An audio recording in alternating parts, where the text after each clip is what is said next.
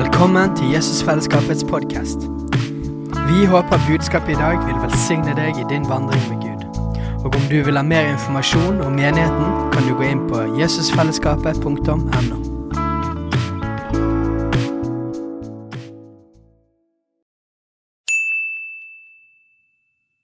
Hei!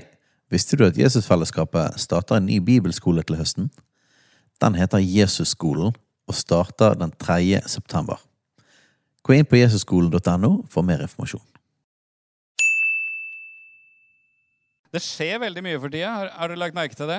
det? Virker jo sånn folk har lyst til å dele ting og sånn òg. Um, ikke sant? Vi hadde 21 dagers bønn og faste, det var bønnekonferanse på Voss, vi hadde påskekonferanse. og Det har vært mye mennesker i dette bygget i løpet av den siste måneden. altså for å si det sånn. Og Det skjer en del ting andre steder òg. Hvis noen lurer på hvor Steinar er, så er han på herjing på Sør-Vestlandet. Uh, han var uh, i Stavanger på på, på, torsdag til fredag, og så var han i Saronsdal eh, på fredagskvelden. Og så er han og besøker menigheten til Kjell Haltorp på, på, Sørlandet nå. Og Rapporten fra Steinar er at de stedene han er, når, når du inviterer Gud til å komme, så kommer Gud. altså. Det skjer på en sånn måte at folk blir overraska. Mennesker blir døpt i Den hellige ånd, folk blir helbreda og sånne ting. Så det er spennende greier. Og når Steinar var der nede på Sørlandet, så fikk han plutselig høre rykter om at det skjer noe i en liten bygd på Sørlandet som heter Vigeland. Uh, har noen hørt om Vigeland noen gang? Nei, altså, ikke sant? Altså, Gustav Vigeland, han med parken i Oslo. Navnet kommer derfra, men, men det, det, var en digresjon. På Vigeland fins det et bedehus med plass til 250 mennesker, hvor de har pleid å ha møte en gang i måneden som samla 10-15 eldre mennesker. Uh, noen helger før påske så fant de ut at de skulle invitere en sangevangelist i 30-åra fra Mandal til å komme og ha møte. Og Allerede første kvelden han var der, så kom det mye mer folk enn de hadde sett på lenge. Og de holder på nå, nå er det vel sjette helga de holder på. Nå har de måttet flytte til et annet lokale fordi det ikke er plass til alle menneskene som kommer. Folk blir frelst, folk blir helbreda, folk får møter med Jesus. På et bedehus langt inne i skauen et eller annet sted på Sørlandet. ikke sant? Altså, du kunne ikke annonsert det, du kunne ikke produsert det. Det er Gud som gjør det. Spennende. Vi lever i en spennende tid. Det er Jesus som er på ferde. Jeg håper du er klar over det. For dette kan ikke mennesker få til. Eh, vi fortsetter i forkynnelsen i dag da, med å fokus på Jesus, forskjellige sider ved hvem Jesus er, og det Jesus gjør. Er det greit? Yes. Og I dag, og det passa veldig bra med et par av lovsangene òg, så det jeg har kjent på å snakke om i dag, er Jesus, Guds lam. Jesus, Guds lam. Uh, vi har sunget om det i lovsanger i dag. ikke sant? Og noen kan jo da tenke ja, men vi har akkurat hatt påske. ikke sant? Altså, Vi hadde skjærtorsdag. Da snakka vi sikkert om Jesus, Guds lam. gjorde ikke det? Jeg var sjuk, så jeg var ikke det. Altså, ikke sant? Altså, både i Gamle testament og Nytestamentet og hele pakka. ikke sant? Så, men Jesus er Guds lam hele tida, han altså. Ikke bare i påska. Og Hvis du lurer på om det er sant, så kan du slå opp i Åpenbaringen kapittel 5.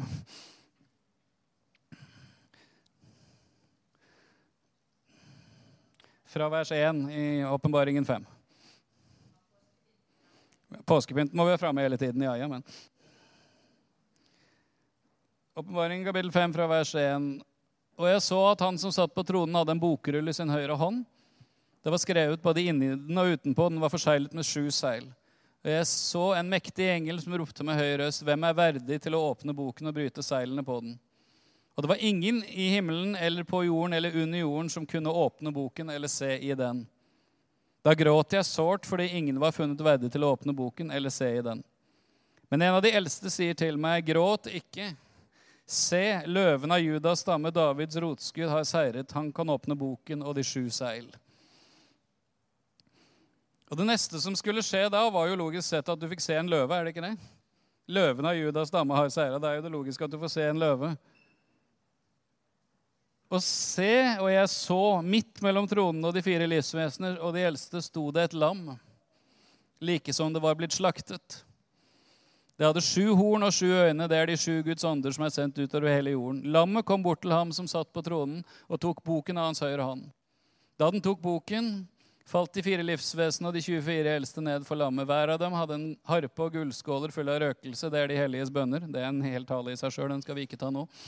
Og de synger en ny sang og sier, 'Verdig er du til å ta imot boken og åpne seilet på den', fordi du ble slaktet og med ditt blod kjøpte oss til Gud av hver stamme, tunge og folk og ett, og gjorde dem til et kongerike og til prester for vår Gud, og de skal herske som konger på jorden.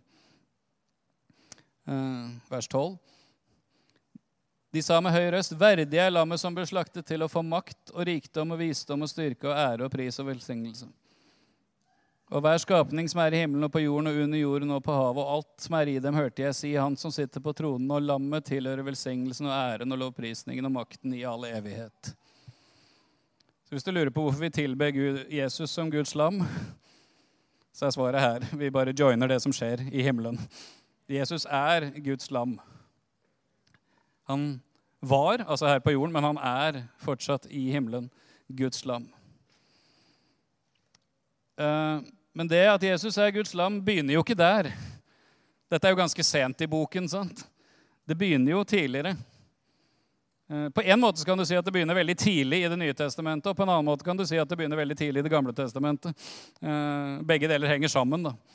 Så det blir litt grann sånn bibeltime her. Er det greit? Dere er ikke allergisk mot Guds ord? Nei, nei det er fint. Det er bra. Det er ikke den type menighet. Nei, det er godt. Det er fint. Uh, i Det nye testamentet så begynner det med en annen Johannes enn han i åpenbaringen, nemlig døperen Johannes. Skal vi gå til Johannes 1. Stor vekkelse rundt døperen Johannes. Massevis av mennesker strømmer til. Også en sånn som du ikke kan produsere. ikke sant? Johannes hadde ikke hengt opp plakater og avertert på internett. eller noe som helst. Han var ute i ødemarken, og hele Israel kom ut, bekjente sine synder og ble døpt. Det er bare Guds ånd som gjør sånt. Liten parentes der, men ja. Eh, og når han står der ute i Jordanelva og døper, så kan vi lese Johannes 1, vers 28 og 29. Dette endte i Betania, på den andre siden av Jordan, der Johannes døpte. Dagen etter ser han Jesus komme til seg og sier, Se der Guds lam som bærer bort verdens synd. Johannes får se Jesus, og når han ser Jesus, så peker han på han og sier altså da Der er Guds lam, som bærer verdens synd. Og I vers 35, dagen etter sto Johannes der, en og to av disiplene hans. Da han fikk se Jesus komme gående, sa han, Se der, Guds lam. To ganger. Og det Første gangen sier Johannes litt mer. Ikke bare 'se det er Guds lam', men 'se det er Guds lam som bærer verdens synd'. Og Det peker da tilbake i Det gamle testamentet på to sentrale punkter i Israels historie. Den første er påskelammet, selvfølgelig, som ble slaktet altså i andre Mosebok 12. Eh, som de som var her på skjærtorsdag, sikkert fikk en god innføring i. Eh, men det er jo noe der da, ikke sant, som absolutt er et bilde på Jesus. De skulle ta et lam uten lyte, uten feil. Det skulle slaktes, blodet skulle strykes på dørstolpene. Da gikk dødsengelen forbi. Godt bilde på, på, Jesus, kraften i Jesu blod i forhold til liv og død og evighet. sant? Halleluja. Uh, men det er et annet punkt. Det er ikke bare 'se er Guds lam', det er 'se er Guds lam som bærer bort verdens synd'. Uh, som både bærer verdens synd, og som bærer bort verdens synd. Uh, og det finner du ikke i den historien om påskelammet. Ingenting om synd i historien om påskelammet. Uh, selv om det ligger jo der i kraften i Jesu blod og alt dette her. Uh, så det ligger underforstått. Men da er vi over på en annen sentral ting i Israels historie i Det gamle testamentet som kanskje ikke du har hørt like mye om, men som du kjenner i norsk dagligtale. Hvor mange av dere har hørt om syndebukken noen gang? Visste du at syndebukken finner du i Bibelen? Ja, halleluja. Du gjør det, skjønner du. Og da er vi kommet til det stedet i Det gamle testamentet som beskriver det som kalles den store forsoningsdagen. Dette skulle skje én gang i året hos Israel. Både i ørkenen ved tabernakelet og etter hvert av ved tempelet i Jerusalem. Den store forsoningsdagen. Tredje Mosebok, kapittel 16. Uh, vi skal ikke lese hele kapittelet, selv om vi gjerne kunne gjort det. Eh, vi skal lese noen få vers. Gud gir instruksjoner om at en gang i året skal Aron som yppersteprest, og etter hvert da den som blir yppersteprest etter han, så skal det velges ut to geitebukker. Ikke bare én, men to geitebukker. Eh, og så står det da i vers 7 i 3. Mosebok 16 og han, det er altså Aron, skal ta de to geitebukkene og stille dem fram for Herrens åsyn ved inngangen til sammenkomstens telt. Aron skal kaste lodd om de to geitebukkene, og ett lodd for Herren og ett lodd for den bukken som skal sendes bort. Den bukken som ved loddkasting er tilfalt Herren, skal Aron føre fram og ofre til syndeoffer. Men den bukken som loddet var på, på, den som skal sendes bort, skal stilles levende framfor Herrens åsyn for at det skal gjøres soning ved den, og så skal den slippes løs for å sendes ut i ørkenen. Mm, så kan vi hoppe noen vers lenger ned, til vers 15 og 16. Deretter skal han slakte den bukken som skal være syndoffer for folket, og bære dens blod innenfor forhenget. Han skal gjøre med bukkens blod liksom han gjorde med oksens blod, og stenke det på nådestolen og foran nådestolen. Og slik skal han gjøre soning for helligdommen og rense den for Israels barns urenhet og for alle deres overtredelser som de har forsyndet seg med. Likeså skal han gjøre med sammenkomstens telt, som er reist blant dem midt i deres urenhet. Og så vers 20 og videre. Når han så har fullført soningen for helligdommen og for sammenkomstens telt og for alteret, da skal han føre fram den levende bukken. Og Aron skal legge begge sine hender på den levende bukkens hode og bekjenne over den alle Israels barns misgjerninger og alle deres overtredelser og alle deres synder. Han skal legge dem på bukkens hode og sende den ut i ørkenen med en mann som står ferdig. Og bukken skal bære alle deres misgjerninger med seg ut i villmarken, og så skal han slippe bukken løs i ørkenen. Det er syndebukken. Syndebukken er altså ikke den politikeren som fikk skylda for det som gikk galt, sånn som det er i moderne norske medier, eller, eller den offentlige ansatte som ikke gjorde det han skulle. eller et eller annet sånt. Syndebukken er altså den bukken Israels synd for hele det foregående året ble lagt på, og som så blir sendt vekk. Det er to bukker her. da. Den ene blir slakta, og blodet blir brukt til soning for synd. Den andre blir synden lagt på og sendt vekk. Der har du jo Jesus da, i de to bukkene ganske så gjennomført. Soning ved blodet, all synd lagt på og tatt bort. Er ikke det herlig? Og Hvis du lurer, ja, hvis du tenker ja, hva har dette med oss å gjøre, og så, videre, og så, videre, så kan du lese Brevbrevet kapittel 9. Uh, der står det veldig mye om det. Vi skal bare ta noen av versene der. Men vi må ta noen av versene der òg. Er det greit? Ja, det er fint kommer til å gjøre det om det ikke er greit òg, bare for å se om du er i live. Uh, skal vi se Hebreerne 9. Skal vi se Hebreerne, ja, det er Det nye testamentet. Det. Skal vi se Der. Ja, ja, ja, ja. Skal vi se Fra vers 11. Og Nå har vi da det som vi leste i 3. Mosebok 16 sånn i bakhodet. Men da Kristus kom som ypperste prest for de goder som skulle komme, gikk han gjennom det telt som er større og mer fullkomment, som ikke er gjort med hender, altså som det i Tredje Mosebok. Det vil si som ikke er av denne skapningen. Ikke med blod av bukker og kalver, men med sitt eget blod gikk han inn i helligdommen en gang for alle og fant en evig forløsning. For så sant blod av bukker og okser og asken av en kvige helliger til kjødets renhet når det blir stenket på dem som er urene, hvor mye mer skal da Kristi blod han som i kraft av en evig ånd bar seg selv fram for Gud som et lyteløst offer. Rense vår samvittighet fra døde gjerninger, så vi kan tjene den levende Gud. Derfor er han mellommann for en ny pakt, for at de som er kalt, skal få den evige arv som var lovt etter at det har funnet sted en død til forløsning for overtredelsen under den første pakt. Ok. Jesus er altså ganske mye mer enn den, disse bukkene i Det gamle testamentet. De ble ofra én gang i året den ene, og sendt ut i ørkenen den andre. Så Gud skulle ta bort eller bære over med deres synd for et år til. Altså det vil si, alt det som skjedde i Det gamle testamentet, venter på noe mer som skal komme. Venter på noe, og Ifølge hebreerne så er det i Det gamle testamentet skyggebilder på det som skulle komme. Og det som skulle komme, var altså Jesus, som alt blir lagt på. Men det som så skjer, er altså en vanvittig greie. Og jeg har tenkt på den noen ganger. Det fins altså en helligdom i himmelen. Det fins et tempel i himmelen. Hva mener du? Ja, Det står i boken. Det står at Jesus gikk inn i en helligdom som ikke var gjort av menneskehender, men den evige helligdommen.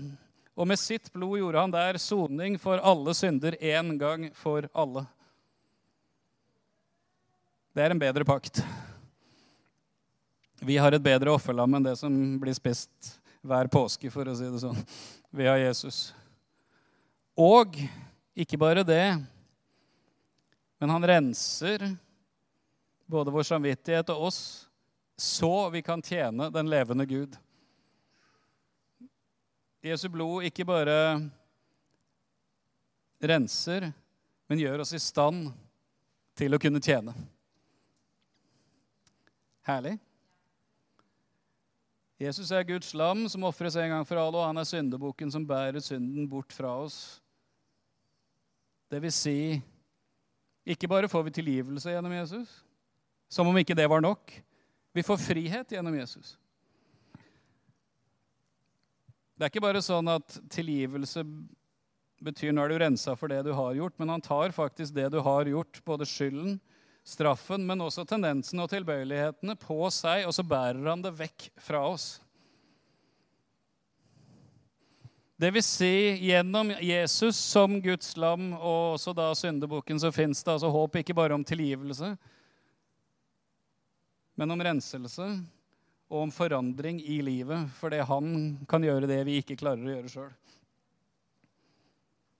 Høres ikke det bra ut? Og Jeg syns det er bra når Johannes peker på Jesus, at han sier ikke, ikke se der Guds lam som bar verdens synd, han sier som bærer.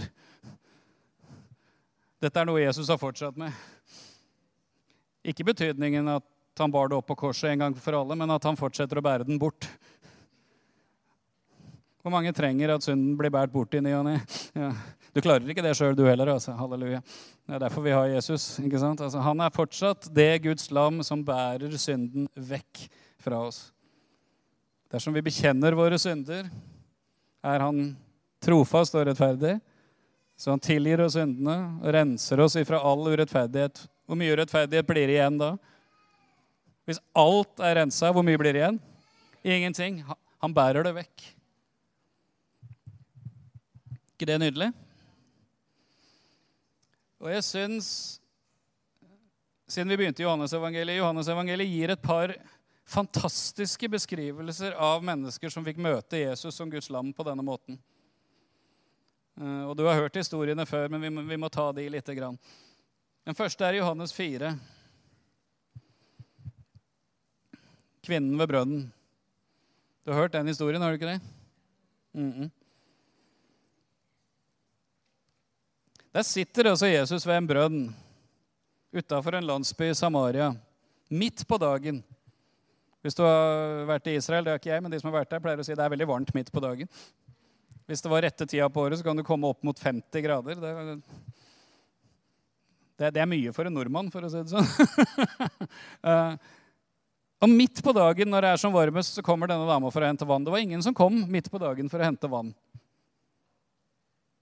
De kom enten på morgenen eller litt lenger utpå ettermiddagen, for da var det mer behagelig å gå og hente vann. Og Det er jo en grunn til at dama kommer midt på dagen for å hente vann, og det er jo det at dette mennesket her lever et liv som gjør at du er uglesett av hele landsbyen. Dette er et syndig menneske. Hvordan vet jeg det? Jo, fordi Jesus vet det. ikke sant? Du har hatt fem menn, og han du har nå, er ikke din. Skulle tatt seg ut i menigheten, dere. Hm? Tenk om Forferdelige greier. Og så møter Jesus denne damen. For det første så bryter han jo all skikk og bruk da, i å snakke med denne damen. bare, For jøder skulle ikke snakke med samaritanere, og menn skulle i hvert fall ikke snakke med kvinner. Og så, videre, og, så. Uh, og så møter han denne damen. Og jeg er så glad for at det er Jesus hun møter, altså. og ikke veldig mange kristne ledere. For ikke å snakke om veldig mange kristne kommentarfeltstrutere. Jeg må få lov å si, kjære venner, Jesus er ikke på kommentarfeltene. Altså. Hvis, du, hvis, du, herjer der, så har du gått vekk fra Jesus, etter min mening. Altså. Men det var bare en digresjon. Eh, fordi Jesus møter altså et menneske som etter alle definisjoner ut fra både Det gamle og Det nye testamentet lever i synd. Du har hatt fem menn, og den du har nå, er ikke din. Kan vi kalle det å leve i synd? Ja. Men Jesus er Guds lam som ikke bare ser kvinnens synd, men han vet også at denne synden skal jeg ta på meg, og den skal jeg få bære bort. Derfor møter han denne dama på den måten, og som også gjør at når han faktisk deler det kunnskapsordet om hvordan livet hennes er, så kjenner hun seg ikke fordømt i det hele tatt. Hun kjenner seg sett, elska, bekrefta. Hun kjenner seg fri. Så fri at hun glemmer alt det der som har med vann å gjøre, og lar krukka bli stående igjen og løper inn i byen og forteller hele byen hvem hun har møtt. Det er Guds lam som bærer verdens synd. Som gir tilgivelse, og som gir nye muligheter, og som gir forandring. Det er evangeliet. Ikke at vi får det til. Og Hvis du tror du får det til, og derfor har noe å fordømme denne dama for, da har du ikke, har du ikke helt skjønt Jesus. altså. Men vi har en Jesus som kan møte et menneske midt i alt av synd og elendighet. Han rygger ikke tilbake. Han blir ikke støtt, han blir ikke sjokkert, han blir ikke sint. Han gjør noe med det, og han gir et nytt liv. Og Hvis ikke du syns det var nok, så kan vi gå til Johannes 8, da.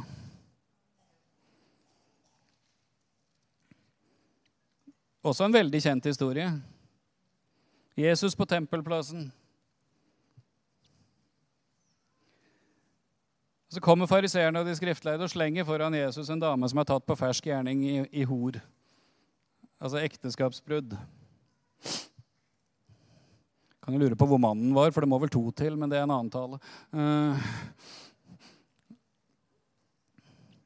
og så sier de til Jesus, 'Jesus, etter Moselov skal denne kvinnen steines. Hva sier du?' Og vi kan jo historien, sant? Men hvis du leser dette her for første gang og ikke, ikke liksom har lest videre altså Det var jo virkelig en felle.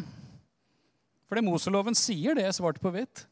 Den som tas i ekteskapsbrudd, uansett om det er mann eller dame, skal steines. Det er ikke tull. Blodig alvor i den gamle pakt, dette her.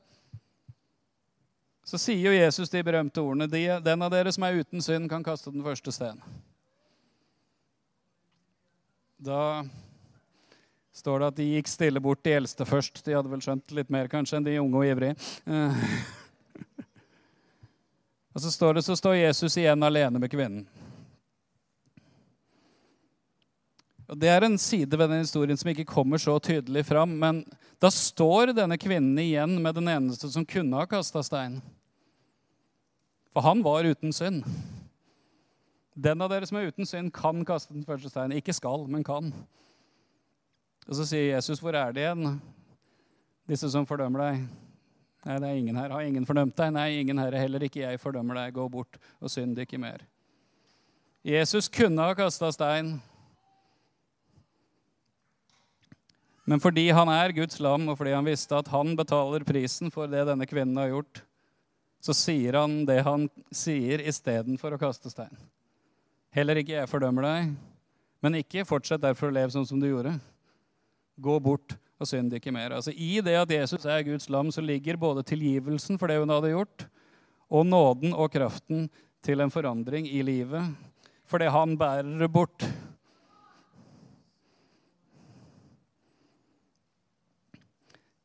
Jesus er Guds lam. Fortsatt. Han er fortsatt den som har betalt for all synd, som renser oss i sitt blod, og som bærer synden bort. Han gjorde det for begge disse damene i Johannes evangeliet, og han gjør det fortsatt. Hvor mange av dere har møtt Jesus som Guds lam? Halleluja. Er ikke det herlig? Men han er også Guds lam, som bærer ikke bare våre synder. Han er Guds lam fortsatt, som bærer hele verdens synder.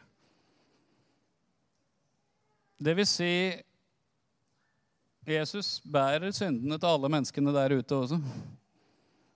De er kanskje ikke klar over det, men han gjør det. All synd ble lagt på han. Det vil si, han kan ta bort all synd. Han kan tilgi og rense, og han kan bære dem bort fra hvert eneste menneske. Og jeg tror at hvis mange mennesker hadde fått en åpenbaring gjennom Guds menighet av Jesus som Guds lam framfor alt det vi er imot, og alt det vi protesterer på, alt det vi syns er helt forferdelig i samfunnet, så tror jeg kanskje flere hadde vært interessert. Tror du ikke det? Ifølge Paulus i Romerbrevet så er det Guds godhet som driver til omvendelsen. Ja da, det fins en plass for å forkynne loven og alt mulig, og folk må vite om hva de trenger å, bli, å få tilgivelse for, og hva de trenger å bli rensa fra. Men det er jo budskapet om at det er mulig, som er de gode nyhetene. At Jesus Han rygger ikke tilbake for en eneste synd. Enten det er din eller min, eller det er noens der ute. Han er ikke redd for en eneste syndig handling, et eneste syndelig ord, en, en, eneste syndig tanke. Den, den fins ikke. Han har betalt for hver eneste en, og han kan bære bort hver eneste en. Og Derfor så har jeg litt problemer kjære venner, med veldig mye kristelig kultur i hvordan å forholde seg til denne verden. Hvis det virkelig er sånn at Jesus er dette her, tror vi at han er det? Ja. Da vil det si at hvert eneste menneske du kan finne på å møte i din hverdag, arbeidskollegaer, naboer, på Bybanen, på studier eller hva som helst, har Jesus betalt prisen for. Har han båret syndene til? Ønsker han å bære syndene vekk fra?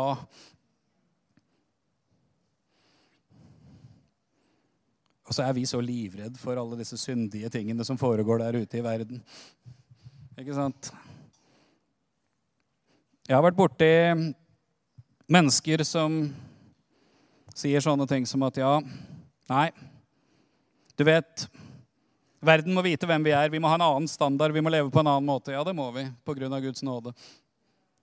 Men altså, som kan finne på å si sånn, sånn, sånn hvis jeg er et sted og noen banner, da reiser jeg meg og går. Ja. Eller hvis noen begynner å baktale noen, nei, da, nei, da, da, da, da sier jeg nei, sånt kan jeg ikke være med på. Og så reiser jeg meg og går. Eller ikke sant, altså, som aldri ville finne på å sette sine ben på et eller annet sted hvor det foregår syndige ting. Vi kunne jo ta skade av det, ikke sant? Og for all del, hvis du er forholdsvis nyfrelst, eller hvis du sliter med en eller annen konkret ting, så ikke gå akkurat dit, da. Greit. Vi skal få lov å bruke huet, ikke sant? Eh, men ifølge min bibel så står det noe et sted i Johannes første brev om at han som er i oss, er hva for noe? Større enn han som er i verden. Ja, riktig. Og han som er i oss, er den samme Jesus som er Guds lam. Og jeg tenker, både for mitt liv og for, for våre liv og for menighetens liv, at Tenk om mennesker kunne få møte Jesus som Guds lam gjennom oss. Ikke fordi vi får det til, men nettopp fordi vi vet hvor mye vi trenger han, og hvor avhengig vi er av han. og Derfor kan vi kanskje vise andre at de trenger han, og er avhengig av han, og kan få det de trenger fra han. For han er fortsatt Guds lam som bærer bort verdens synd.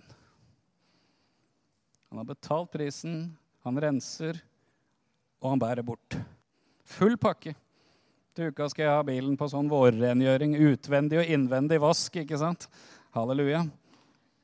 Det er det Jesus gjør òg. Det er fullstendig både utvendig og innvendig vask. ikke sant? Altså Du kommer inn, og så får du full vask utvendig og innvendig. Fordi Jesus er Guds lam. Og jeg opplever Jeg sleit litt med dette, her, for det var det Gud, jeg opplevde Gud trykka på når jeg skulle forberede meg. for dette. Jeg tenkte, ja, men nå har vi akkurat hatt påske, vi har akkurat holdt på med dette. Men jeg tror dette her er til oss i dag. Av to grunner. Det ene er at vi trenger å vite at Jesus fortsatt gjør det. Han, bort, han renser, og han bærer bort vår synd. Skader aldri å bli påminnet av det. Og vi trenger å vite det i forhold til de menneskene vi omgås med òg. At han er fullstendig i stand til å gjøre det.